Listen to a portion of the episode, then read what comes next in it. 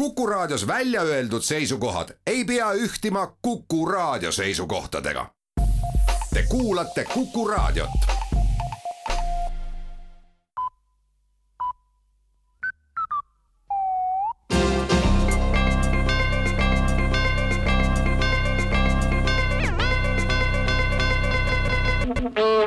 tere kuulama uudiseid stuudios Rohke Develak valitsus annab teada, et töölaual on ootamatusseaduse esialgne kavand, mis peaks Riigikokku esimesele lugemisele saadetama järgmisel nädalal. ootamatusseadus peab andma senisest selgemad juhised, kuidas reageerida ootamatustele, mille tekkimine on olnud ammu ette teada. seadus loob selgema pildi nii üksikisikule, organisatsioonile kui riigile tervikuna, sest hetkel on tekkinud olukord, kus ammu oodatud arengud on tulnud täieliku ootamatusena ja ootamatusi on lugematu hulk pikalt ebatervislikult elanud inimesel tekivad ootamatult tervisehädad, korruptiivselt tegutsenud ametniku või ettevõtja tegevus tuleb ootamatult avalikuks, talv tuleb kommunaalametnikele ootamatult, abielu rikkumine tuleb välja ootamatult, viirused ründavad ootamatult, sõda algab ootamatult, kasiinos kaotatakse kogu raha ootamatult avastus, et pidevalt ainult töötades on kadunud igasugune õnnetunne, tuleb jälle ootamatult, kõrged energiahinnad tulevad ootamatult ja riigile tuleb ootamatult, et see kõik ajab inimesed vihale.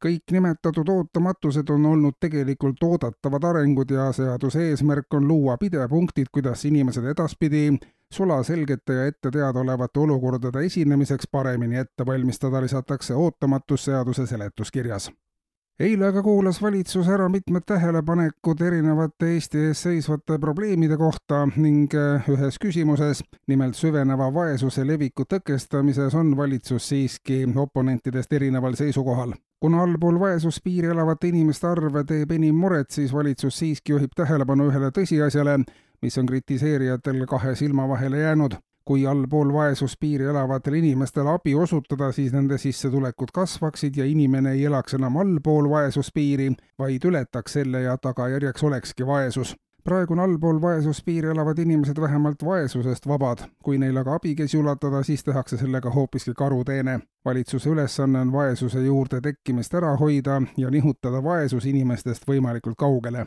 riigi toel suure hulga inimeste vaeseks aitamine ei ole kõige mõttekam ja seetõttu jätkatakse senist läbiproovitud taktikat.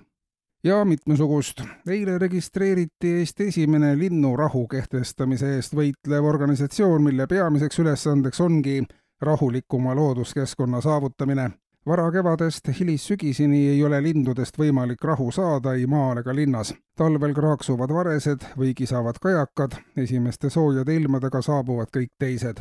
kukkumist ja kluugutamist on kõik kohad täis, ööbik karjub ööpäevad läbi ja lugematud teised linnud sädistavad, vidistavad ja häälitsevad tuhandel eri kombel, nii et mingit rahu ei ole inimesel kusagilt leida. linnurahu peaks aktivistide sõnul kehtima maist septembri alguseni ehk perioodil, kus inimene kõige rohkem looduses viibib.